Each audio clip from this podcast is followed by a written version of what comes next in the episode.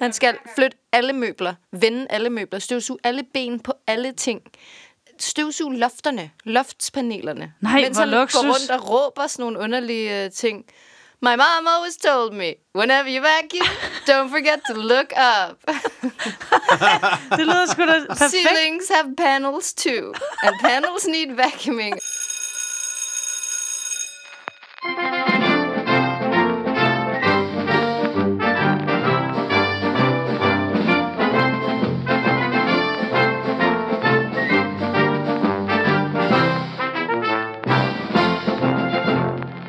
Velkommen til Voksenskolen. Mit navn er Fabian Petersen, og jeg har den store ære at sidde på skolebænken med mine klassekammerater Louise Hansen og Søs Bjerre.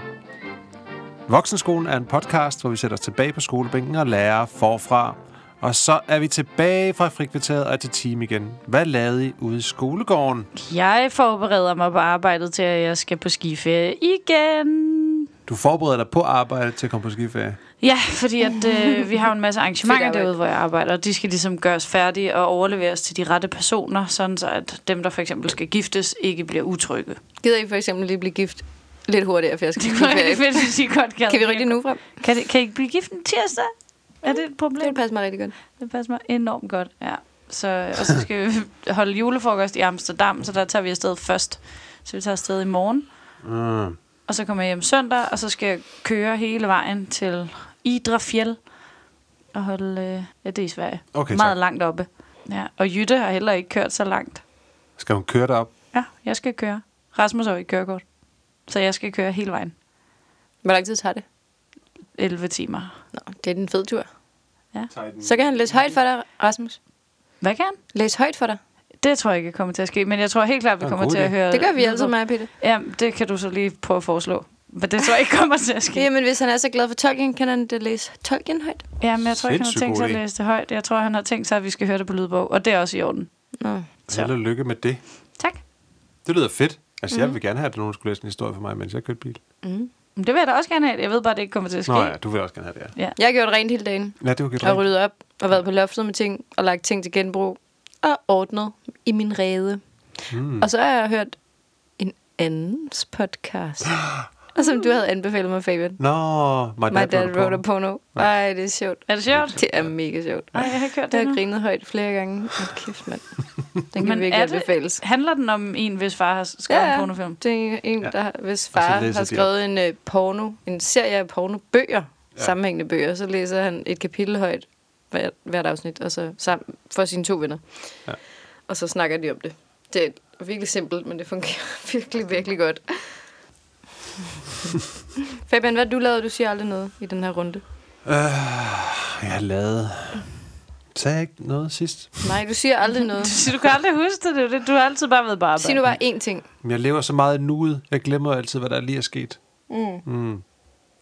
Det er virkelig at leve i noget. Du har lige været til dans med din Ja, datter. jeg har haft min datter med til dans, men det er jo ikke værd at fortælle om. Det lyder som om, at det var dig, der skulle til dans, og Penny kom med. Fordi hun ikke kunne være alene hjemme. Fabian går til mandesumba. Jeg har lige haft min datter med til dans. Bare datterdans. Nå, det er da hyggeligt. Øh, der er ikke så meget at fortælle. Altså, det er... Nej, men ellers har du også forberedt dig til i dag. Ja, det er det. Jeg har brugt virkelig lang tid på at forberede mig til i dag. Fremlæg. Ja, Det er, det er meget måske spændte. meget, meget rigtigt at sige, at jeg har brugt mest af min tid på at forberede mig til i dag. For det er... Ja, altså, lytterne kan se på titlen og på afsnit, så snakker vi jo faktisk i den her uge om Koranen. Og grunden til, at jeg har i den uge ikke vil quizze jer to på, hvad emnet er, det er jo fordi, vi allerede har talt om, Mm. øh, om det inden. We knew. You guys We knew. knew. Og grunden til, at vi allerede har talt om det inden, det er, fordi det godt kan blive sådan en lille smule betændt. Måske. Måske. Det kan i hvert fald godt være et betændt område at plante sine fødder i. Og siden det er min tur til fremlæggelse, og jeg har valgt det her emne også, så vil jeg gøre mit bedste for at lave en respektfuld fremlæggelse, som kommer til at handle mest om facts og om emner, der ikke bliver alt for følsomme. Jeg har gravet lidt i, hvorfor det egentlig er så følsomt at snakke om en anden religion end den kristne, hvis man kan sige det på den måde. En anden religion. For jeg tror egentlig, det er helt cool, at vi øh, snakker om kristendommen med en vis distance. Samtidig med, at vi også gerne må lave lidt sjov med den, og måske også fordømme den. Øhm, for det må man ikke rigtigt, når man taler om islam, eller jødedom, eller hinduismen, eller en helt fjerde religion. Og hvorfor er det egentlig... Altså, sådan har jeg det i hvert fald. Og sådan har jeg også, når jeg har været og kigge på nogle, sådan nogle message boards og på Reddit og så videre. Så er der rigtig mange mennesker, der har det på den måde, at det er okay, at man tager pis på sin egen religion, men det er lidt farligt, når man begynder på andres religioner. Hvorfor tror I, øh, at vi danskere har det på den måde? Sådan tror jeg, at alle, alle har det fra alle mulige sider, eller næsten alle normale mennesker har det der sådan. Vi må jo heller ikke, altså, der er ligesom om, så er der nogle homoseksuelle, de må gerne gøre grin med sig selv sammen med hinanden, men vi andre skal ikke gøre grin med dem, fordi det er dem, det er deres ting. Og det er ligegyldigt, hvad det er for et emne. Sådan har jeg det da også. Det synes jeg er meget... Øh, det er da bare respektfuldt at Ja. lade andre folk om at gøre grin med dem selv. Vi ved jo ikke, hvordan det er at være i nogle andres end vores egnes sko. Jamen, det er jo ligesom, at folk de også driller sig selv. Altså, der er jo forskel på, at jeg siger, ej, jeg skulle også blive lidt småfed, end at en af jer siger sådan, du skulle også blive lidt småfed. Der er, der er, Det er så sjovt, du siger det, for det er præcis det eksempel, jeg har skrevet. Nemlig. Er det rigtigt? Jeg har skrevet sådan, at det er helt okay, at jeg tager pis på mig selv, fordi jeg er blevet lidt tyk. Men det er ikke okay, hvis jeg siger det til nogle andre. Ej, du Nej, er nej. blevet lidt tyk. nej, Altså, præcis, hov, hov, det gør man hov, ikke. hov. Så må man, men det, er også, det bliver også tit sådan en, et forsvar, ikke? Ja. Ja. At man ligesom siger sådan, ej, jeg skulle også blive lidt tyk, så er der i hvert fald ikke nogen, der skal gå og tænke på det. Eller også så har man ligesom sådan i- adresseret det, og så hvis der er nogen, der kigger lidt underligt, så er det bare, fordi man selv lige har kommet til at sige, ej, jeg er også blevet tyk. Ja. Altså, det bliver jo hurtigt sådan en forsvarsmekanisme, og lige joke lidt, og tage lidt afstand, og have lidt selvironi. Det skal vi jo alle sammen have. Ja. Sådan, uh, Det skal vi altså. vi skal ikke tage os selv alt for alvorligt. Det siger vi, men det gør vi jo alligevel. Ja, ja, Ja. klart. Men det Altså, det er klæder os, ikke? Det klæder os at være sådan lidt... Det er det samme. Nu har du gjort din lejlighed ren i dag. Hvis jeg nu sagde, at den var stadig ikke altså, lidt beskidt, ikke?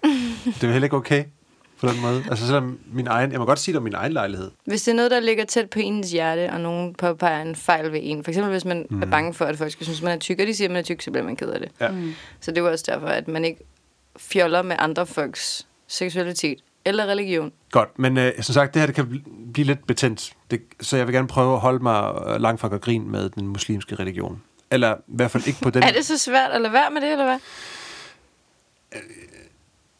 Altså, hvis du, hvis man kommer, hvis man læser en lille smule i den, der er nogle ting i den, som er skøre, lad os bare sige det på den måde. Hvis Det du, er læ- også i Bibelen, kan Ja. man sige. hvis du læser i Bibelen, så finder du også ud af, at der er nogle ting, der er ekstremt mærkelige. Mm. Men altså, jeg vil, men altså, jeg vil helst ikke fremhæve en religion frem for den anden, eller sige, den her, latter, den her religion er mere latterlig end den anden. Oh, du er så forsigtig lige nu. Jeg kan godt mærke, at du står sådan uh, Jamen, det har virkelig på været... tynd is. Ja. Spring ud i det. ja. Head Altså, first. fordi som du også siger, synes, den kristne bibel, den har også nogle virkelig vanvittige og latterlige passager, som Koranen jo også har, synes jeg. Og jeg er jo selv ateist, men jeg er langt fra en fanatisk øh, ateist, eller har en holdning til, hvordan andre skal leve deres liv, så længe det ikke påvirker andre negativt. Og det kan meget hurtigt lyde, som om jeg har en bias, eller vil promovere en religion frem for en anden, men i min egen lille bitte andendam, så er de, alle de her religioner, de er sådan lidt på lige fod, lige fod, og burde kun fortælles i uddrag som eventyr til børn, eller på højde med fortællinger om julemanden, eller den lille havfru, eller noget. Mm.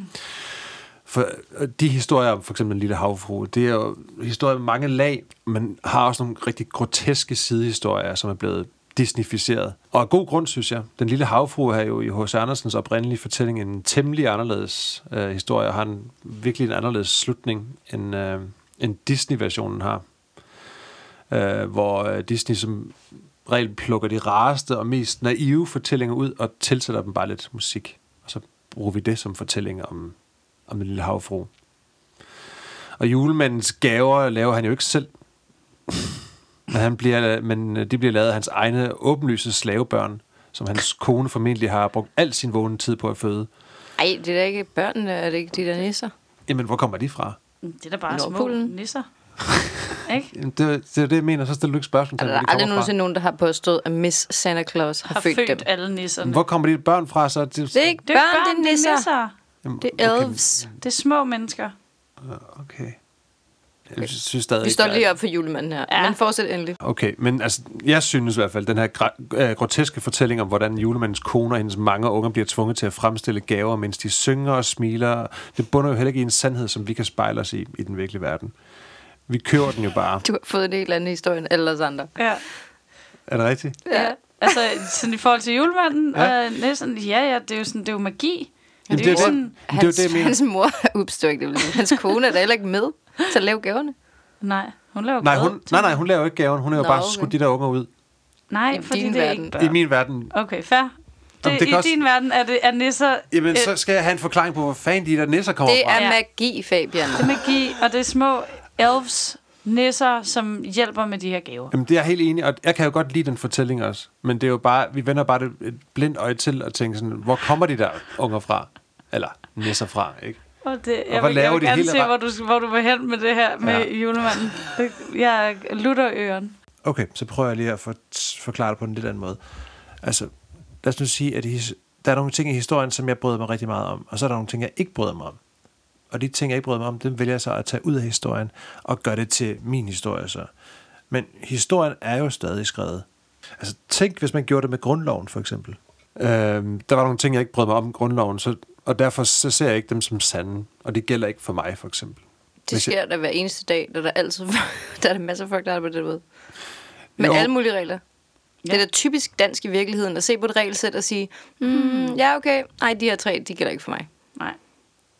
Det er vores forbehold, vores hang til forbehold som danskere. Vi elsker sådan noget. Jo, men nu siger du også, at det, ja, det er rigtigt nok, men, men det er jo kun de der enkelte mennesker. Vi ser det jo ikke som et samfund, at der er nogle ting, vi godt må pille ud af grundloven, for eksempel, som det er okay. Nej, ikke som, officielt. som man gør, for eksempel med nogle forskellige religiøse tekster. For eksempel, hvis jeg brød ind hos naboen og stjal hans bil, men ikke følte, det var ulovligt, så vil jeg jo stadig blive arresteret. Fordi vi som samfund har godkendt grundloven som gældende for alle. Hvis du var dum nok til at blive fanget. Ja. True. Du bryder ind hos en for at stjæle hans bil. Det, et, et, det viser bare, at det er ikke det, du skal stjæle. Så. Det er, Er det ikke det, man gør? Jeg, I don't know. Jeg har aldrig stjålet en bil. Bare sådan, bryd ind hos nogen, stå og kig, der står bilen ikke. Jeg går ud igen. Hvor fanden står, stiller han bilen hen? Hvor fanden stiller du bilen? Du stiller sgu da bilen udenfor, din idiot. Øh, det er sgu da rigtigt, ja. Okay, vi stopper med at hækle nu. Nej, nej, det skal, I, det skal I virkelig fortsætte med at gøre. Så bliver det ikke så, øh, så højtidligt det her, det kan jeg godt lide. Okay, som samfund har vi øh, accepteret grundloven som øh, øh, gældende for alle. Sådan har vi jo ikke helt på den måde med de religiøse bøger, hvor vi i Koranen og for eksempel også i Bibelen plukker de rareste ting ud og glemmer, at de mest forfærdelige fortællinger og love, de bliver udladt, selvom Gud fortæller os, at de er på samme højde, som alle de andre af os er. For eksempel er der i Bibelen i 3. Mosebog, er der en lang liste over, hvad man må og man ikke må gøre, og hvordan det også skal udføres. Altså, hvordan man skulle ofre øh, dyr, og så skal det være en helt bestemt form for et får, og hvorhen man skal øh, ofre det, og så videre, og så videre. For eksempel så forbyder Gud også, at du ikke må have tøj på, der er vævet af to slags garn. What? Eller hvad med den her utrolig øh, specifikke lov af Gud. Nu læser jeg lige højt fra, det, øh, fra, fra Bibelen her. Når I kommer ind i landet og planter alskens frugttræer, så skal I lade deres forhud, den første frugt, være urørt. I tre år skal de være æder uomskårne og må ikke spises. Eller den her. Det menneske, som henvender sig til et genfærd mod det menneske, vil jeg vende mit åsyn og udrydde ham og hans folk. Hold op. Så hvis man snakker med, snakker med spøgelser, så Er det fra det gamle testamente? det er for det gamle testament, ja. Der er Okay. rimelig mange underlige ting i det gamle testamente. Altså, det tredje Mosebog, den er øh, virkelig... Øh, men, men, men der Men står er det også fra tredje Mosebog, at man ikke må bære noget, der er vævet af to forskellige slags garn? Yes. Det virker som noget, hvor der er vi nået rigtig langt ud. Der kan jeg ikke rigtig finde på mere. det er sådan en af de der, nå, det bestemmer jeg også. Det er sådan, jeg kan ikke forestille mig, at nogen har brugt tid på at gøre det til en lov. Altså, det virker skørt. Men det skal så lige siges, i samme passage, altså i tredje Mosebog, der fortæller Gud også, at det er ulovligt, at- to mænd ligger på samme måde, som en mand og en kvinde vil gøre. Ja. Ja. Det vil sige, det er der, der fortæller, at, at homoseksualitet, homoseksualitet, ja. også er, hvad hedder det, abomination, hvad hedder det på dansk? Jeg ser, det er sjovt, fordi at det er jo nemlig ikke to forskellige slags garn. I virkeligheden. Så kan man lige tænke lidt over. Jamen, det er bare så sjovt, at så vælger nogle mennesker, eller mange mennesker faktisk, at opretholde den her lov, om for eksempel, at to mænd ikke må ligge sammen. Øh, men de går stadig i tøj, der er vævet af to forskellige slags garn. Eller at man for eksempel heller ikke må spise skalddyr. Det må man ikke. Uden at blive straffet med døden i hvert fald. men hvordan vælger man... Og derfor det, det, hummer er jeg så dyrt. det er simpelthen så mærkeligt, synes jeg, at man vælger at holde fast i en ting, og bare se bort fra en anden. Men det, Gud, det er jo Guds lov, det hele. Nå, det er bare interessant, hvorfor vi mennesker vælger at plukke de her ting ud af historien, som vi ikke bryder os om, for så at fastholde en fortælling om, hvordan vi gerne så fortællingen udspille sig. At vi forfatter vores egne historie ud fra et fundament, som ikke passer os på nogle områder, og derefter kalder vi os for kristne eller muslimske, selvom vi ikke udøver de love, som Gud egentlig havde pålagt os. Og fordi jeg ikke deler de samme synspunkter som de mennesker, der har skrevet bøgerne, som tydeligvis også er blevet skrevet af mennesker, der var høje på magt og garanteret euforiserende stoffer, så vil jeg prøve at holde mig fra at komme med mine egne meninger om menneskets fortolkning og manglende inddragelse af nogle udvalgte af Guds love, og i stedet fokusere på de historiske fortællinger om Koranen, selvom jeg måske ikke kom med nogle af mine egne holdninger alligevel lidt der. Det er lige sket. Ja. Lidt. Det er fair. Så jeg vil prøve at lade være med at snakke så meget om religionen, og så mere snakke om selve Koranen. Hvordan opstod den? Hvad indeholder den? Jeg vil prøve at gribe fat i fortælling om Koranen, som var det et stykke kunst eller en historisk bygning, så jeg ikke brænder nallerne alt for meget i hvert fald. Øh, fordi jeg dømmer og fordømmer ikke folk, der er religiøse, men mindre som sagt, de er ondskabsfulde og er det på grund af deres religion. I er meget velkommen til at bryde ind med, med om det har en plads i samfundet i dag, eller om Koranen, eller de, alle de andre religioner, øh, eller de andre religiøse nedskrivninger, skrivninger, er jo skrevet, de er jo skrevet på et, på et tidspunkt, som, som ligger langt fra den måde, som vi lever på i dag. Er I med sådan nogenlunde så langt? Ja, ja, ja, totalt med, men det, det er et stort spørgsmål, du stiller, ikke? Altså, Jamen, det er egentlig ikke så et spørgsmål, det er mere, jeg, nu, nu spørger jeg egentlig ikke, om, om, om de her religiøse øh, nedskrivninger har en plads i vores samfund i dag. Det, er- det er egentlig ikke så meget det, vi skal diskutere i dag, for det, den tror jeg, Ja, det er, ja. en, det er en helt anden podcast, hvor vi snakker om, om kristendom og sådan generelt. så du måske. trækker det tilbage. Nå nej, nej, det er mere, hvis vi har nogle tanker om, så skal I bare, sige til, altså, I skal bare bryde ind. Mm. Ikke? Modsat. Har I nogle tanker so far? Nej, jeg vil bare gerne høre om Koranen. Det synes jeg er spændende, for jeg ved faktisk forsvindende lidt.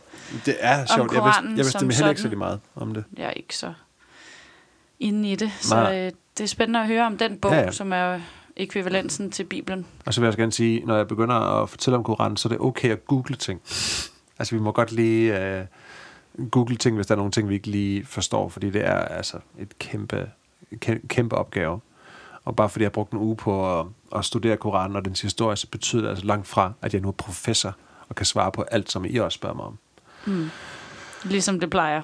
Uanset Yep. om det er Koranen eller noget andet, så er vi ikke eksperter. Nå, på den måde. Nej, helt klart. Det skal ja. Lige sige, vi er altså ikke eksperter på noget af det, vi, vi snakker om. Jeg Eller, tror ikke, der er nogen, der er i tvivl om, at Nej. vi ikke er. ikke hvis man i hvert fald har hørt podcasten. Okay, jeg vil også gerne komme ind på nogle ligheder og forskelle på Koranen og Bibelen, da det er den religiøse bog, som jeg er vokset op med og nok kender bedst af alle de her religiøse tekster. Selvom jeg også selvfølgelig heller ikke kender Bibelen særlig godt, egentlig. Jeg har prøvet at læse den et par gange, og jeg kan simpelthen bare ikke rigtig komme... Har I læst. Bibelen? Øh, læs en del af Bibelen.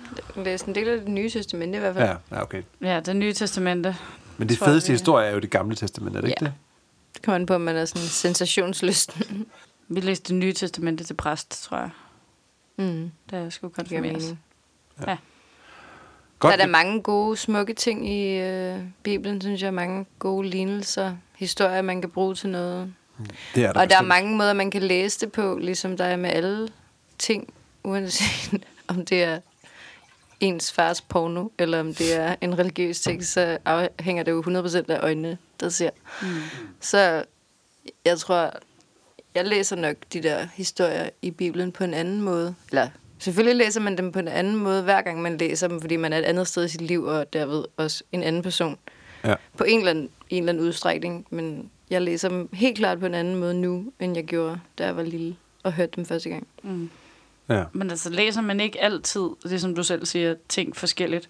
Det er jo ikke, for eksempel en, en besked, en sms, en et eller andet, der bliver sendt afsted. Hvis du er i en sindstilstand af sådan lidt med, sådan lidt med, så kan en besked læses negativt, men hvor hvis du er helt vildt boblende og glad, så kan den læses helt vildt positivt. Altså det skrevne ord er jo enormt svagt på den måde, for det er jo, den er jo, det er jo ikke stærkere, end hvad vi selv lægger i det.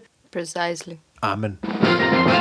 Lad os starte fra begyndelsen. Det skal lige siges med det samme, at Koranen som sagt ikke er lige med islam. Og islam er ikke lige med Koranen heller ikke. Mm. Modtaget. Koranen er en del af den islamiske tro, men islam bygger ikke kun på Koranen. Koranen er den sidste er fire bøger, som Gud, Allah, sender ned til jorden, så mennesker har en retning at leve efter. Ja, se, det, det sad jeg faktisk tænkte på før. Det er en forskel, ikke? fordi Bibelen også, ved vi alle sammen er skrevet af mennesker, men Koranen er skrevet af Gud. Netop. Mm. Det er rigtigt. Men er Toraen også det? Toren. Altså, jøde, de, de Nå, jødiske, sø, jødiske Ja, tekster, er de ikke også skrevet af Gud? Toran er også skrevet af Gud. Ja, okay. Ja. Ja. Det er faktisk bare os kristne, der sådan, har fået Lige. menneske Ja. hjælpere. Nå, okay. Det er meget, meget, godt, øh, meget god observation, fordi det er det. Altså, det er lidt mærkeligt, at vi har skrevet Bibelen over hundredvis af år af mennesker. Vores jagttagelser og mm. hvorimod at... Nå, men ved du hvad, jeg, kommer, jeg, kommer, jeg dykker lidt ned i det lige om lidt, mm. så lad os bare fortsætte med øh, fremlæggelsen. Det vil så sige, at der findes tre andre bøger, som vi måske ikke hører så meget om. Pre- prequels. prequels. Men Koranen er som sagt den sidste bog, og modtageren af indholdet af denne bog er Muhammed, som bliver kaldt for en profet, da han er Guds højre hånd på jorden. Men da Gud ikke kan tale direkte med Muhammed, så bruger han sin højre hånd, altså Guds højre hånd. Og den højre hånd er ærkeenglen Gabriel. Gabriel, han tager noter af alt det, som Gud siger, og fortæller det videre til Muhammed over en periode på cirka 23 år. Og det gør han, imens Mohammed han er i en moské for at bede, eller er ude i en grotte ude i ørkenen. Det er lidt uvist. Øh, man mener, nogle folk mener, at det har været det ene sted eller det andet sted. Og, men altså, man mener også, at folk havde mere tiltro til, at Mohammed var profeten, fordi han netop var ude i ørkenen for at modtage Guds ord. Ord for ord, så genfortæller Mohammed de ord, han har hørt videre til hans følge, som efterhånden bliver større og større. Og de fortællinger, som Mohammed øh, kommer med, bliver efterhånden skrevet ned i en bog, som vi kender som Koranen i dag.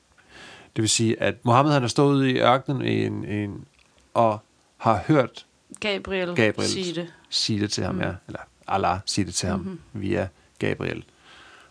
Det vil sige, at han har ikke givet ham en bog som sådan. Nej. Han har bare sagt nogle ting. Gud har fortalt det her til folket. Og så er Mohammed taget ud til folket og fortalt om, hvad han har hørt Gud. Okay. fortælle. Og det sker så over en periode på 23 år. Det vil sige, at Mohammed han har heller ikke nogen bog. Han skriver det heller ikke ned. Mm-mm. Der er Han ikke fortæller det bare videre. Ja. Jeg kan lige fortælle nu, hvor vi er ved det. Men altså, Koranen betyder, ved I, hvad Koran betyder? Mm. Det betyder recitere, altså genfortælle. Ah. Det er jo lidt det, der sker, at, at Mohammed genfortæller. Gabriels Øh, ord, som ja. er...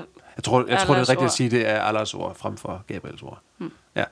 Men ja, det er, det er lidt det, der sker. De andre tre profeter, der også fik de her fortællinger og bøger af Gud, men som levede længe før Mohammed, øh, ved vi, hvem nogle af de tre profeter er? Okay. Den første bog, det er Toran, som jeg synes også siger så fint. Nå. Den blev givet til Moses. Ah. Som, og, og Toran, det er basically øh, det gamle testamente. Så er der den næste bog, den hedder Sabur, og den blev sendt ned til David. Altså David fra... Mm. Beverly Hills. Ja, det var ham, der Det du tænker, når man siger David? ja. David. Nej, det er ham, der kæmpede mod øh, Goliath. Goliath, ja. Ja. Øh, yes, Sab- Sabur, Sabur, den anden bog, den indeholdt en masse salmer. Og den tredje og næst sidste bog, den hed Injil, og blev sendt ned til Jesus. Ah. Altså ikke hele Bibelen blev sendt ned til ham, men nogle evangelier blev sendt ned til Jesus. Så Jesus han var en profet længe før Mohammed. Og den sidste, så, øh, sidste, øh, sidste bog er så Koranen, som øh, Mohammed modtager. I henhold til islam er der en mother of the books, der er oppe i himlen. Og fra denne bog, så kommer de her fire evangelier i form af Toran, Sabur, Injil og Koranen ned til jorden til profeterne Moses, David, Jesus og Mohammed. I islam kommer alle disse evangelier fra én kilde, og de skal derfor helst være enige med hinanden, kan man så sige, de her bøger. Og der, hvor de adskiller sig, der har Koranen ret. Da det siges at være den sidste af de fire bøger, der kom ned fra himlen. Det vil sige, at de steder, hvor Bibelen øh, ikke er, er enig med Koranen, så er det Koranen, den har ret. Bibelen er genfortalt af mange forskellige mennesker, og flere, over flere hundrede år. Øh, hvorimod Koranen er det direkte ord fra Gud, og derfor må det aldrig omskrives. Koranen er inddelt i 114 kapitler, som hedder suraer, og bogen er en lille smule kortere end det nye testamente, som vi kender fra kristendommen. Og alt det her, det begyndte den 22. december 609 år efter Kristi fødsel. Og det er sent. Ja, og Mohammed han var 40 år gammel, da det her skete. Og så afsluttede det i 632, der, hvor Så kan du Mohammed stadig nå at blive profet. Ja, det kan jeg vel. Det er jo ikke blevet færdig endnu. Så tager en tur ud i Kongelunden og ser, hvad der sker. Okay. Muslimer betragter Koranen som Muhammeds vigtigste mirakel. Et bevis på, at han, at han var profet, og er kulminationen af en række guddommelige budskaber, som de andre profeter også modtog. Og så slutter det af med Koranen. Godt, lad os dykke lidt ned i Koranen. Koranen er, består overordnet af fem filosofier. Og man kan godt inddele Koranen i de her overordnede dele eller filosofier, som skal være med til at guide mennesker i den rigtige retning.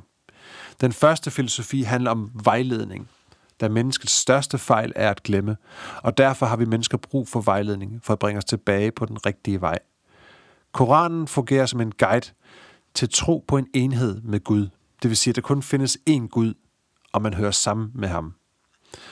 Og som fører til et etisk liv, defineret som underkastelse eller overgivelse. Denne komplette livsstil tilbyder vejledning gennem både personlige og samfundsmæssige love. Den næste er The Criterion, eller kriteriet. Jeg vidste ikke rigtig, hvordan jeg skulle oversætte det. Koranen skældner her mellem moralsk og umoralsk, etisk og uetisk, god og ond. Bogen hjælper muslimer med at tage etiske valg i deres daglige liv. Og så den næste, det er påmindelsen. Koranen minder verden om læren fra tidligere profeter, det vil sige Jesus, David og Moses. Profeternes historier udgør en væsentlig del af Koranens fortælling. Og så er der den spirituelle healing. Bogen hjælper muslimer med at komme ud af deres dårlige lidenskaber og sigte i stedet mod de højere ambitioner om at tilbede og adlyde Gud. Koranen tilbyder et personligt forhold til det, Gud, til det guddommelige, en gudsbevidsthed, der løfter sjælen og frigør sindet fra moralske sygdomme, såsom materialisme, jalousi og vrede. Og til sidst så er der social forandring. Koranen fungerer som en køreplan for social forandring, der bygger på social retfærdighed, økonomisk retfærdighed, raceharmoni, menneskerettigheder og værdighed. Koranen opfordrer det muslimske samfund til aktivt at tilslutte sig til det, der er rigtigt og godt og retfærdigt, og til at kæmpe imod det, der er forkert, ondt og uretfærdigt. Det er de øh, fem overordnede filosofier, som Koranen handler om. Har I hørt om islams fem søjler? Ja, Ja, man kan simpelthen ikke nævne en eneste. De fem søjler i islam er obliga- obligatoriske for troende. Det vil sige, at man kan ikke være troende muslim uden islams fem søjler. Koranen præsenterer disse som en ramme for tilbedelse eller et tegn på engagement i troen. Og nej, det er ikke fysiske søjler. Men det er fem regler for, hvad du skal gøre som muslim. Ikke? jo da. Okay, den første søjle, den hedder shahada. Nå ja, Det sagde jeg helt det vidste jeg godt. Vidste du godt det? Nej, jeg gjorde ikke. Okay. Det var fedt, hvis jeg havde sagt det, ikke? Ja. Jo. Ej, ej, det vidste jeg godt. 13. Uh, shahada, det er trosbekendelsen, som er den vigtigste af de fem søjler. Shahadaen er i to led, og lyder i sin fulde form nogenlunde sådan her. Jeg bevidner, at der ikke findes nogen anden Gud end Allah, og Muhammed er hans tjener og sendebud. Nå, det er det er meget godt. Ja. Det er det første, øh, den første søjle.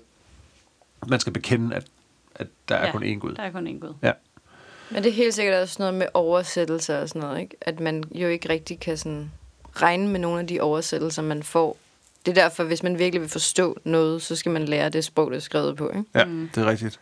Altså, Ja, der er meget, der de, går der er jo også meget, der er. Ja, altså Bibelen er der jo også sindssygt meget, der er helt forkert. Der er rigtig mange muslimer, som faktisk ikke kan tale eller, eller læse arabisk, så de er nødt til at finde på en anden måde at, at få de her informationer på. Så det er selvfølgelig oversat, men det er rigtigt, der er mange ting, som forsvinder. Der er meget diskussion om bare den her, som jeg lige læste op. Jeg bevidner, at der ikke findes andre en, en, en anden Gud end Allah, og Mohammed er hans tjener og sendebud. Allerede bare den sætning er, Ja, ja, der- er der sindssygt ja. meget diskussion om, hvordan den er blevet phrased. Ja, fint. Nå, den anden søjle, det er salah, bønnen, som er den næstvigtigste af de fem søjler. Fem gange i døgnet skal muslimer udføre en fast rituel bøn. Og bønnen skal være øh, bønnen skal Du udføres siger bønnen. bøn, Bønnen. bønnen skal udføres vendt mod Mega. Mekka. Mekka. Sorry, men det er fordi, at det, vi sidder og griner af, at du siger bønnen, som om, at det er sådan en edamame-bønne. Bønne. Øh, Allahu Hvad er nu Akbar. med? ja, man skal vende, øh, fem gange om dagen skal man øh, bønne. Ja, mod Mekka. På et tæppe. Ifølge Koranen er den rituelle bøn en religiøs pligt, som gør det vanskeligere for den troende at synde. Og eftersom de ved, at de må bøje sig ned og underkaste sig Gud fem gange om dagen, så gør det det lidt sværere at synde. Hmm. Øh, den tredje Det søjle... er jo også rigtigt. Altså, Ja. du går jo ikke på sådan en rigtig bender. Nej, Nej, nej. Altså, du kan jo ikke være sådan helt gonke væk på Emma og alt muligt andet Nej. i Nej, nej, hvis du 15 også skal- timer i streg. Du, altså, Ja. Det er sådan en lille syndsforladelse fem gange om dagen. Sådan. Nej, jeg tænker bare, det er da sikkert fint lige at minde sig selv om sådan ens retning, og hvad det er, man er gang i. Sådan en, hey, ja, nå ja, det her skal jeg lige gøre. Det virker også Ja, bare i lidt voldsomt, at man igen. skal have så meget øh, glemsomhed i ans, at man bliver nødt til at gøre det fem gange om dagen. Prøv at gå igennem en hel dag bevidst. mm, Ja, det skal jeg ikke bede om. Det er der ikke nogen, der kan finde ud af. nej. Som menneske, det er simpelthen det sværeste for os overhovedet, Ja. at forholde os bevidst til vores dagligdag. Jeg tror, det er et mega smart, det der. Ja. Men det er selvfølgelig med, ligesom det med, med alt muligt andet, øh, alle an, andre afhjælpe øh, sin eget øh, autopilot, zombie mode øh, Ja. regler, man kan finde på, så er det vel det samme, at det bliver sikkert også rutinen. Og så er det bare, nå, Ja, ja, døgn, nu er klokken det, nu skal jeg lige gøre det her. Og så kan du sikkert sagtens tænke på Netflix imens. Men det gør Ja, du ja. altså nok ikke, hvis du gør dig umage. Der er nok mange gradbøjninger af det, uanset hvad. Alright. Den tredje søjle er zakat. Det siger jeg helt klart forkert også. Men øhm, det er almissen, som er obligatorisk for alle muslimer, der er i stand til det. Det anses for at være et personligt ansvar for muslimer at lette økonomiske problemer for andre og fjerne ulighed. Zakat er baseret på den samlede velstand og udgør 2,5 procent af formuen til gavn for de fattige og trængende. Herunder blandt andet slaver og rejsende. Ordet zakat kommer fra det arabiske zakah, som blandt andet betyder at vokse eller blive renere. Så man skal simpelthen smide øh, 2,5 procent af sin formue til at Hvor- hjælpe hvorhen? fattige. Jamen det finder man vel ud af. Nå, i- det må man selv om. Man skal, ja, du skal bare... Du skal hjælpe de fattige. Hvis du har råd til det, så skal du okay. hjælpe dem, der ikke men har. du bestemmer selv, hvor du lægger dem. Det er ikke sådan, at du skal... Det skal være til kattens værn. Altså, nej, men jeg tænker bare, om der var sådan en eller anden stor muslimsk pulje, det kan jeg da godt høre, det lyder en lille smule naivt, når jeg siger det sådan, ikke? Det er lidt ligesom, at man betaler Jeg ved ikke 10 præcis. procent, hvis man er Jehovas vidne. Jeg kan sagtens forstå, hvad du siger, men jeg tror ikke, det, at der er en, Det en muslimsk pulje. Okay, så det er bare til det godtgørende formål, man Fattige. selv finder mm. Eller rejse. fedt. Ja. Ja, men det er jo ligesom, der er ikke nogen, der tjekker, om du beder fem gange om dagen. Nej. ikke. Men nu er jeg, ser jeg jo mig selv som rejsende, så det kunne godt være mig, der fik de penge. Ja, okay. Nej, det var plat. Undskyld. Du er værdigt trængende. Ja, det er fucking værdigt trængende. Alright. Den fjerde søjle, det er den månedslange faste, Nå ja. Okay. Ja, som gennemføres under ramadan, som er navnet på den måned, hvor man faster. Fasten er et udtryk for tilbedelse, renselse og koncentration. Og i løbet af fastemåneden må man ikke spise eller drikke eller have sex for den sags skyld. Efter solnedgangen, så gælder den her faste selvfølgelig ikke mere. Nu må man godt spise og drikke igen. Mm. Og sex igen, tror jeg. Det ved jeg faktisk ikke. Det anbefales at spise og drikke før daggry og bryde fasten ved solnedgang med dadler og vand, før man spiser et måltid. De fleste muslimske samfund har også udviklet specielle madtraditioner knyttet til fasten, som afsluttes med den store fest. Eat. Ja, rigtigt Louise. Den femte og sidste søjle. Kan I gætte, hvad det er? Nu, eftersom I ikke kendte nogen af dem, så er det måske lidt svært. Ja, På forhånd i hvert fald. Det er pilgrimsrejsen. Mm. Haji. Haji. Haji. Det lyder som jeg nyser. Eller jeg skal til at nyse. Som, Hadji. jeg ved ikke, Var hvordan vi tilbage i det. juleshowet der? Hadji. H-A-D-J-J. Haji. Jeg tror på det. Nej, så man rejser til den hellige by Mekka. En hver muslim, der er i stand til det fysisk og økonomisk, skal gennemføre pilgrimsrejsen mindst én gang i livet. Den tager cirka 5 dage, eller den tager præcis 5 dage, det ved jeg faktisk ikke rigtigt, om den gør, at gennemføre. Og når man er, når man er omkring 10 km fra Mekka, så skal man klæde sig i iram, iram tøj. der består af to hvide klædestykker. Helt hvide. Alle folk er helt hvide så. Og det er for at vise, at muslimer er ens og hører sammen. De vigtigste ritualer i Haji omfatter at gå syv gange rundt om Kabaen, Ka- Kabaen, Ka- Kabaen, oh my god, og forsøge at røre ved den sorte sten. Syv gange imellem bjergene Al-Safa og Al-Marwa, og symbolsk stene djævlen i Mina. Der er rigtig mange informationer der Ja, i den øh, en sort sten. Ja, der er en sort sten, der sådan er, er bygget ind i moskeen. Okay, i det er moskeen, de går rundt om syv gange. Eller De går rundt om, en moské ja, i de Mekka. går rundt om, de går rundt om Kaban, som er, som er den moské i Mekka, som de skal rundt om syv gange, for det gjorde profeten Muhammed også, Okay. dengang han ødelagde øh, de det er en lang historie om Muhammed, men altså, det skal vi ikke nævne, men han, der var en masse sådan nogle øh, idoler, som man kaldte dem, som var sådan nogle stenfigurer, mm. som han tog rundt om og smadrede dem alle sammen, fordi der kun var én ægte Gud, og så videre, og så videre. Ah, okay. Så den skal de lige prøve at, og den skal de, nogenlunde gøre det samme, uden at smadre en masse Symbolsk. stenfigurer. Ja. Jeg skal lige sige, at det godt kan gå lidt galt, når der er sådan, det er, jo, skal sige, der er to millioner mennesker, der hvert år gør det her, Hold tager op. den her bil, pilgrimstur, på samme tid. Er der nogen, der bliver får en sten i nakken? Er det det, du skal til at sige? Øh, det kan i hvert fald godt gå galt. Jeg ved ikke, om der er nogen, der får sten i nakken. Det er der helt sikkert nok. øh, men altså i 2015, der døde der 2.500 mennesker, fordi de blev trampet ihjel. What? Uh, nej dog. Nej, det er ligesom med pitten til en øh, rockkoncert. Jeg er bare lige gange med. Meget værre. Jeg er meget værd. To, to millioner mennesker, der går på gaden på samme tid. Okay, hvor Nå, mange, man lige hvor passe på mange er hinanden. døde, siger du? Kom igen. 2.500. 2.500 på Om- et år. Om året. Ikke om året, det er til den her pilgrimstur, som, Det var i varer- 15. som var et par dage. Nå, det var så i 15, det skete. Ja, men de går jo alle sammen på samme tid. Ja, ja, okay. Så i 15 døde der så mange. Ved vi, hvor mange der dør nu? Nej, der har ikke rigtig været så meget. De, de prøver at gøre rigtig meget ud af det nu, Ja, og at man passer godt på folk. Men når jeg har set billeder fra det, synes jeg stadig, det ser enormt klemt ud, det hele. Nej, det lyder ikke rart. Og en anden ting, det er selvfølgelig også, når man klemmer så mange folk sammen i, i en øh, pilgrimsrute, så er der også, fordi det er ikke kun mænd, der går turen, det er også kvinder, der mm. går Mhm. den her tur. Og der er jo opstået noget, der hedder Mosk Me Too. Hvad er det? Øhm, det er sådan en, efter MeToo-bevægelsen startede, så er der også kommet sådan en moské, altså Mosk MeToo, hvor kvinder på pilgrimsturen fortæller om overgreb, de er udsat for på, på, på turen. Nå. Forestil dig, at to, to millioner mennesker går helt tæt sammen i dagevis. Kvinderne fortæller om, hvordan de blev befamlet, uden at de kunne stille noget som helst op. Øv. Og ikke nogen, der er ikke nogen, der tror på dem. Men altså, det har hjulpet med den her generelle MeToo-bevægelse, som smitter af på Musk MeToo, som kvinderne, der har været udsatte for, bruger mere og mere, så, så temaet er ikke så tabubelagt mere, som jeg kan sige det. Men det er ret scary. Nogle af de fortællinger, jeg har læst om de der kvinder, som bare ikke, de ved ikke, hvad der sker. Altså, de bliver bare sådan antastet. De kan ikke se, hvorfra, og det Der hele var bare... og ting det var, over ja, det, var, det var, ja, præcis. Det var simpelthen bare så scary.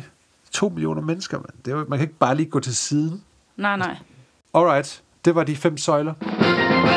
Øh, jeg har også læst øh, nogle uddrag fra Koranen, og øh, ud af de her love og regler, der bliver nedskrevet, så er der også nogle, hvad skal man sige, er de pakket ind i nogle historier, også lidt som du også godt kan lide fra Bibelen. Øh, så, så de findes jo selvfølgelig også i Koranen. Og en af de her historier, det er historien om Harut og Marut. Her i står der, øh, at djævelens fornemmeste opgave er at adskille kone fra hendes mand. Det er egentlig sjovt, at religiøse bøger ofte fortæller om, at mand og kone ikke må skilles fra hinanden, medmindre de dør. Der er ikke så meget snak om harmoni eller individuel lykke i et forhold. Det handler ofte bare rigtig meget om, hvordan reglerne er trukket op, og uden at der bliver taget hensyn til, om man overhovedet er glad for hinanden. Mm. Hvilket jo er så lidt underligt, fordi Bibelen og Koranen erkender jo, at man kan komme til at have en sex med sin nabos kone. Jamen, du må ikke. Men du må ikke, nej, men du kan godt Men, komme da, til men det. vi skriver lige om, at det er, en, det, er en, det er noget, der nok bliver viftet om næsen på dig, men du må ikke. Nej, Godt lige, du siger din nabos kone. er det din næste? Din, du må ikke begære din næste. næstes Nej, kone, ja, det er- Er det eller din næstes ægtefælle. Ja. Det læser du som nabo, det kan jeg godt lide. Nat, jeg tror, der er andet med naboen. Ja, Er der noget med nabo? Ja, det tror jeg. der er noget med nabo. Nå. Du Men skal jeg ikke stjæle din nabos bil. Nej, Hvis du skal, skal du ikke gå indenfor først. det sagde jeg ikke. Sagde jeg det? Eller jo, det jeg er godt. det. Nå, men øh, den her historie om Harut og Marut handler rigtig meget om magi. Harut og Marut er to engle fra Babylon, som bliver udsat for magi af lokale mænd, der er besat af djævlen. Jeg vil gerne læse en lille smule op fra den her historie, så jeg synes, øh, da jeg synes, at den kan sætte nogle virkelig smukke og indsigtsfulde tanker i gang. Og den er på engelsk, skal lige Now siges. we're very colored. Ja, okay. Magic is a reality and not mere illusion. Some people consider tricks of the hand or deceptions of the eye to be magic, but magic is much more than that. It is a reality and could lead one to hate what he used to love. Indeed, the goal that the devil strives hardest to achieve is to separate man from his wife. Det er jo et lille uddrag af Harut og Maruts historie, som fortæller os, at magi er ulovligt, og udfører man magi, så bliver man straffet ved halshugning. Nå. Mm. Altså alle slags heksekunstner, eller hvad? Eller er det sådan noget... Uh, nu har jeg tryllet en øh, 25 øre væk bag dit øre. Det er nemlig præcis sådan noget der, fordi Er det rigtigt? det, de skriver om, det er med en, en, en, et hårstrå, som der bliver bundet en knude på, det er en hårstrå, og så putter man magien ned i den knude på det ene stykke hår, man har, og så gemmer man det under en sten ved en brønd, og så er der nogen, der finder den, og det er, altså, det, jeg forstår ikke, hvordan man kunne finde på at skrive sådan en historie. Det er Okay, helt, så det er faktisk... Det er ikke engang magi. Jo, fordi så slipper man magien løs, og så sker der et eller andet, men det, her, det, er, det er helt vanvittigt. Og man må, godt, man må godt gå med tanker om magi, man må bare ikke udføre magi. Det Okay. er, man bliver straffet med døden, hvis du udfører magi. Mm.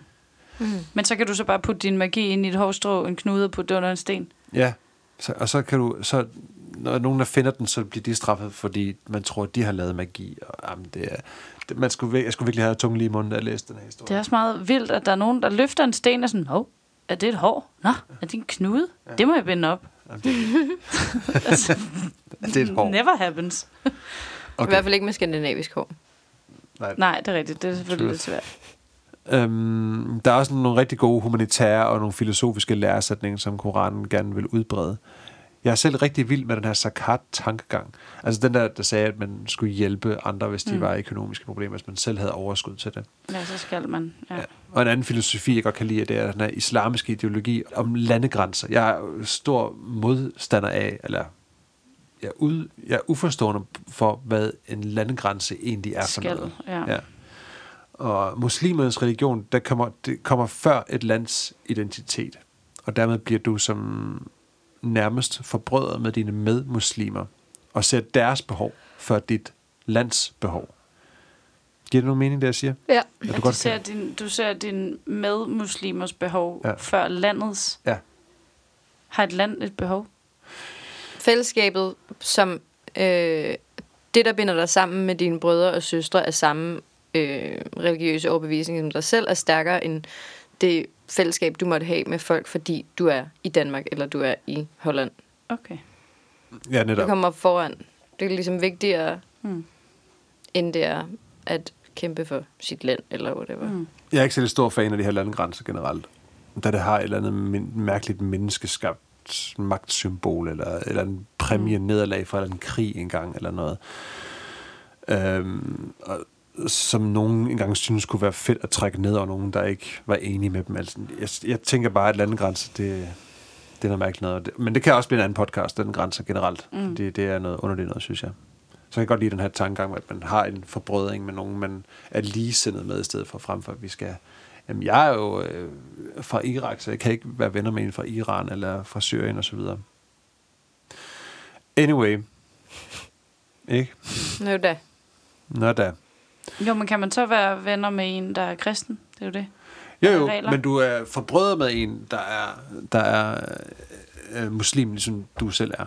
Mm. Altså, du kan sagtens være venner med Det er slet ikke så meget det. Det kan du det, sagtens der, være. det er der, hvor jeg står lidt af på religion, når, når det bliver farvet på den måde. Altså sådan, fordi at hvis nu at jeg sad med jer tre her, og synes at hindu, og du er kristen. Hvis vi nu sad her, tre. hvis nu vi sad her. hvis Jeg troede, du sagde, hvis jeg, hvis jeg sad her med jer tre.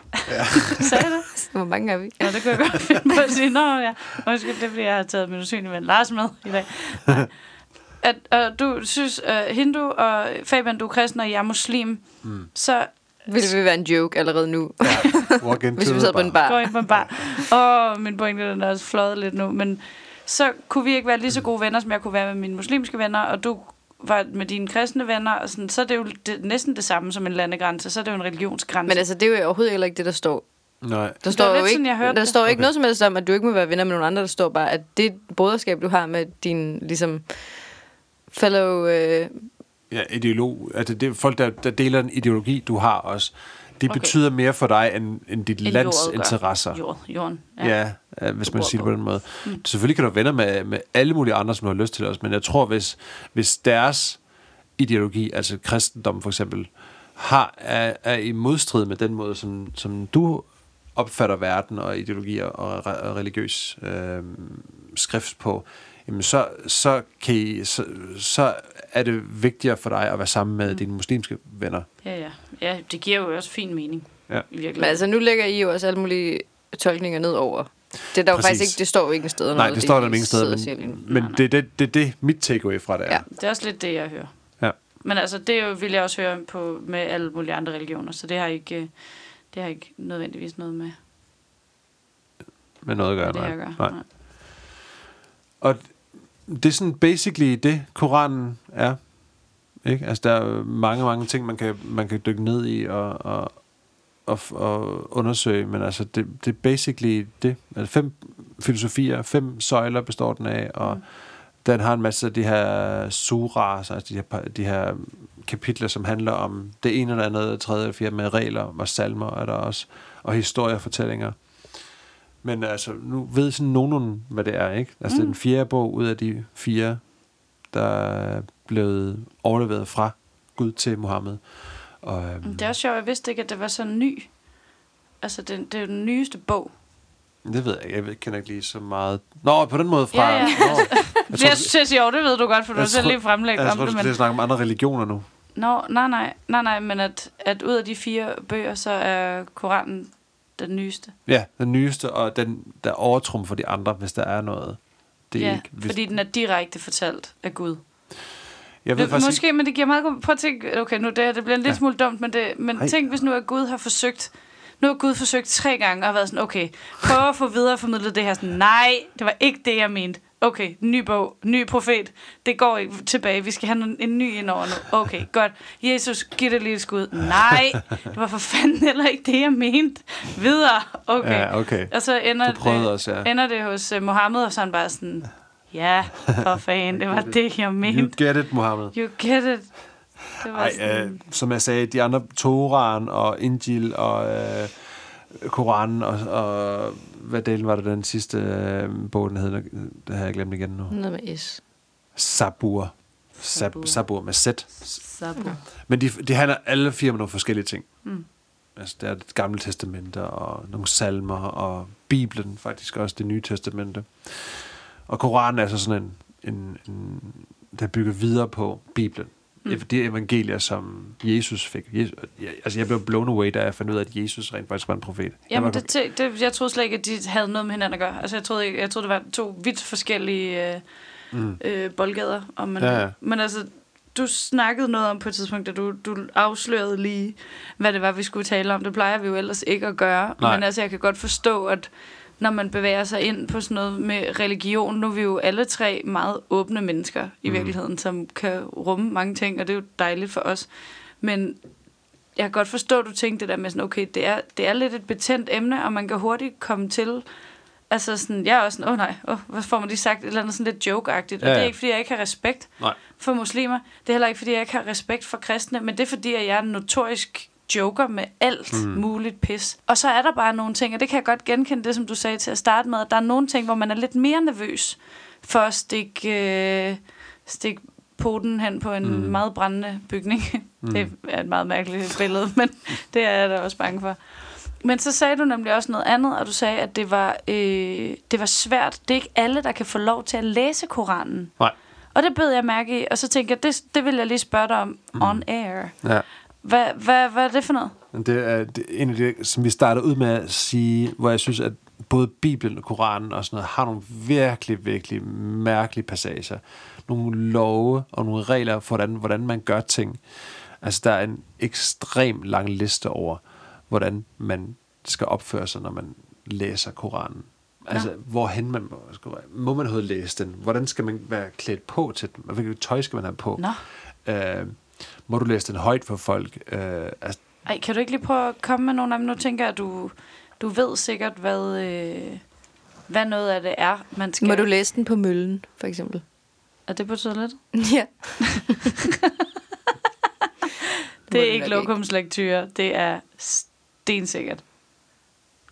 øh, det underlige ved, er, at, at nogle af de her regler, det er, at, øh, at det er sådan lidt selvskrevet, nogle af dem. Men også, der er ikke Du nogen må ikke læse den, mens du bungee jumper. Men sådan noget stil, ikke? Nå, Okay, så der er noget af det, som, giver, som, som bare er sådan, ja, okay, right, det kan For eksempel, okay, Nå, jeg tager lige en her. Det er på engelsk.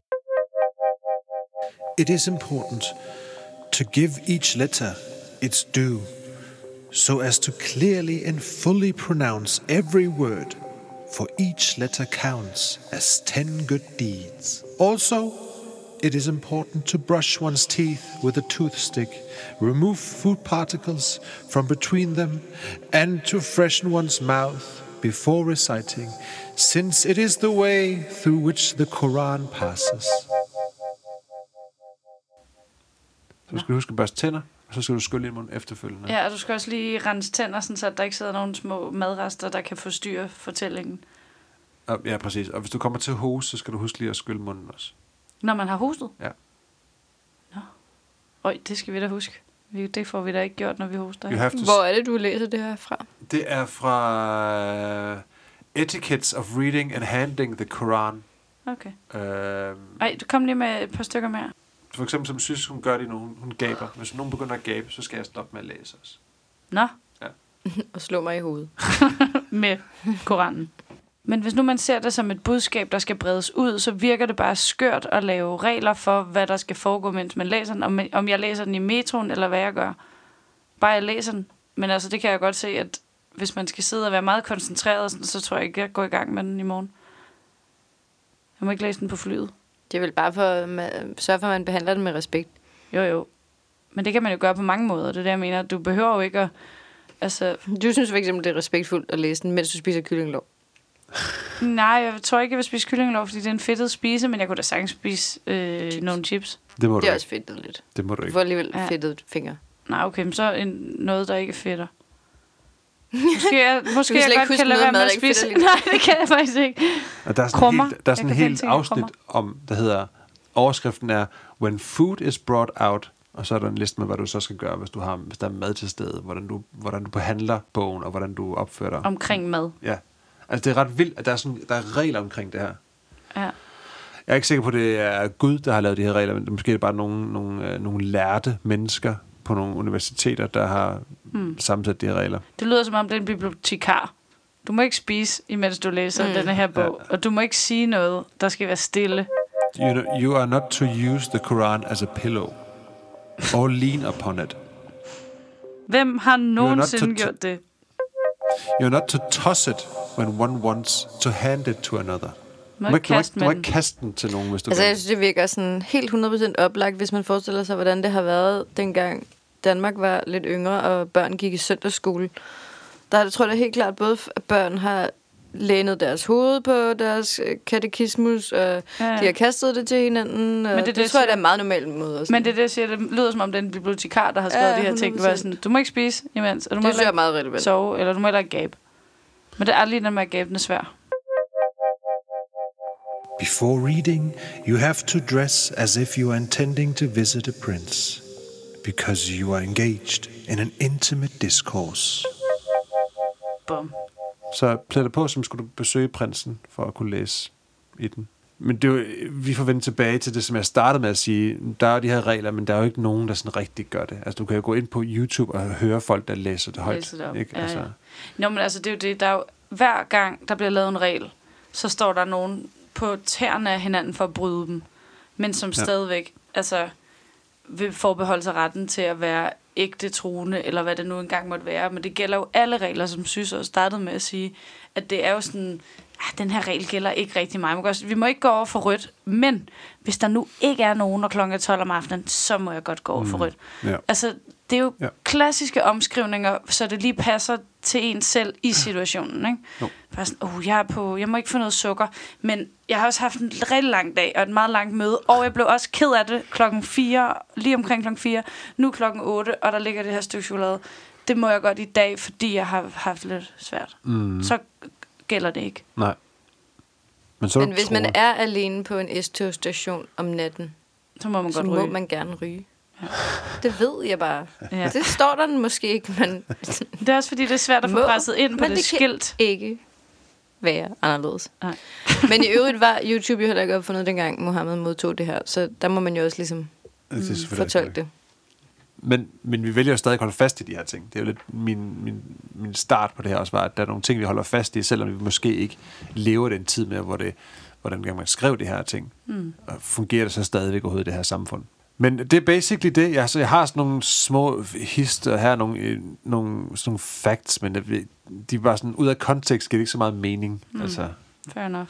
altså, ja, så det, øh, det, det, må, det, det, det, det kan blive til en anden gang. Men må jeg lige spørge om noget, fordi nu sagde du det der med, at når man gælder det nutiden, og sådan, men det er vel svært at tage noget, som er Guds ord, medmindre Gud kommer og siger noget nyt, og siger, hey, så er der update herfra. Nu øh, har jeg vurderet, at de her ord, de, øh, de gælder ikke til sådan, som I har udviklet jer mennesker. I forstår mig ikke længere. Jeg har behov for at fortælle det her på ny. Så er det vel de ord, der gælder indtil da. Vi kan jo ikke bare gå ind og omskrive Guds ord på den måde. Nej. Jeg forstår, hvad du mener, men jeg tænker bare, hvordan skulle man gøre det? Altså, så skulle man bare være lidt mere laissez-faire, eller være sådan... Det var bare, den tid, det blev skrevet på, for eksempel Bibelen, var det bare de ting, man gik op i, hvis man kan sige det på den måde. At det der med at lave regler for, hvordan du skal tilberede din mm. mad, hvordan du skal, hvordan du skal slagte dyrene. Mm. Øh, altså, det er jo ikke sådan noget, vi snakker om, eller det, det er jo eller, Nej, bruge i det vores er hverdag. vi ligesom øh, udliciteret nu. Ja, men det, det var bare, en, altså man snakkede jo ikke om sådan noget, hvordan, det var det, det handlede om for helvede. Mm. Altså, det var det. Men altså, der er der også mange af de der ting, som har været praktiske årsager, netop for, at man ikke skulle blive syg og altså, ja. ja. hygiejne. Mm. Det var da super smart. ja det handler jo i høj grad om hygiejne og respekt for dyret. Ja. Speaking of øh, øh, hygiejne, den her pilgrimstur, som man går på, det er to millioner mennesker, ikke? og der er altså nogen, der har nogle sygdomme. Uh, ja. Ikke? Så der har været rigtig meget øh, tjek efterhånden. Man skal have alle mulige sådan, vaccinationer for at være med i den, og Nå. man bliver tjekket i lufthavnen og alt sådan noget, fordi der er bare nogen, der har et eller andet lille sygdom, som bliver spredt, altså med det samme. Nå ja, det er klart. To millioner mennesker, Ja. der tager dem der med hjem. Altså, det kan godt blive en ny fugleinfluenza. Gav det nogen mening at lige komme med den lille anekdote der? Med det, Jeg troede, Nej, du ville sige, at man skulle gøre alt muligt helt vildt meget ekstra hygiejnemæssigt, når man skulle det der. Altså, man skulle være sådan ekstra, ekstra, ekstra meget været i bad. Men Ja. man skal jo også vaske Men sine ikke fødder og sine hænder, inden man går ind i en moské. Du må ikke være beskidt. Du må heller ikke have sko på. Nå, men det, øh, det er bare, jeg synes, det er interessant, at vi øh, vælger nogle ting, og fravælger nogle andre ting, men så stadig holder fast i, at vi er religiøse. Mm. Så skal du. Jamen, det synes jeg egentlig er meget smukt, at det er sådan... Det er vel også at adoptere tiden, i stedet for at sige sådan, okay, ikke adoptere, Jamen, nogen- adaptere sig. Øhm, Jamen, du kan ikke bare sige, at nogle ting kan vi adaptere, og nogle ting behøver vi ikke adaptere. Altså, når det står for eksempel i 3. Det siger Mose, du. Jeg synes, det er fint. Jamen, det kan man jo ikke. Hvor Du kan ikke bare sige, at nogle af lovene... Nogen Gælder- gør det. Nogen kan. Jamen, Altså, hvis du... Jeg tror, det handler jo altid... Det er jo ligesom, hvis du er ikke religiøs, så går du jo stadigvæk og taler med dig selv ind i sådan, du går jo ikke bare ud og plønder og haver og voldtager. Altså, og det gør du jo, fordi du skal kunne se dig selv mm. i spejlet. Så hvis du føler dig religiøs og har taget fra whatever religioner, Ja. du har behov for, for at det hjælper dig til at være et bedre menneske, så be my guest. helt klart. Helt enig. Altså, og så, så kan du tage lige, hvad du har lyst til, og du kan også øh, en gang imellem lade være med at drikke alkohol, hvis du synes, at alkohol er noget rigtig råd. Mm. Jeg er også fin med, hvis du føler dig religiøs, og du stadigvæk drikker alkohol. Jeg kan godt forstå det hele. Ja. Altså, alle de der ting, hvis, du, hvis det kan hjælpe dig til at gå på en sti, hvor du føler dig som et bedre menneske, og du måske har noget, som støtter dig lidt i at være et godt menneske, mm. så synes jeg, det er altid. Det er først, og det er jo ikke en diskussion, vi overhovedet skal ind i, det er først, når det begynder at konflikte med at være et godt menneske, at Ja. ja. jeg står af. Helt enig. Det er også, jeg er fuldstændig enig med dig i det, du siger. Det var det, jeg startede med at sige. Sådan, jeg er faktisk også ret ligeglad, så længe det bare ikke påvirker mig eller andre folk Mm, præcis. negativt. Ja, ja. Jeg skal ikke se nogen, der bliver stenet ihjel i Nej. 2020, og det foregår stadigvæk. Nej. Og det er jo Eller, vanvittigt. Alright, godt. Jamen, øh, jeg aner ikke, hvor lang tid jeg har været i gang, men sikkert alt for lang tid. Så lad os bare øh, runde den af her. Ikke? Gå ind Det og... var super spændende. Ding. Så Synes er vi der frikvarter. Vil sige noget, synes? Nej, nej, nej, jeg vil bare ringe lidt med Nej, klokken. men hvis man har, sige hvis man har en mening om det, så kan man skrive til Louise på... Øh... Nej, tak. Nej, tak. Ej, men, Jeg men, ved slet ikke nok til at kunne tage en dygtig diskussion Nej. omkring religion. Nej, men det kan man jo... Hvis man synes, at noget af det har været bare nogen interessant, så kan man jo gå ind og studere lidt selv om det også. Mm. Øh, det er virkelig interessant. Altså, noget af det er også ekstremt uinteressant, når man hører, øh, hvilket hornet dyr man må slippe med hen til åbning af teltet, og så skal vende dyrs hoved mod herren, for at man kan... Jamen, det er, sådan noget er virkelig uinteressant, hvordan reglerne for offringer ja. foregår.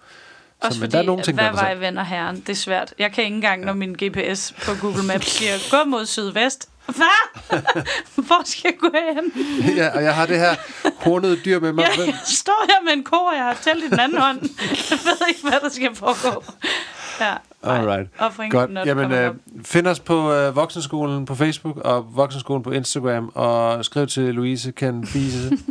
Nej, fise. Louise kan fnise. Ja. Ja, og Sys og mig, øh, vi er også et eller andet sted. Ja. Godt. Jamen, øh, tak for den gang. Så er det Så er. Thank you.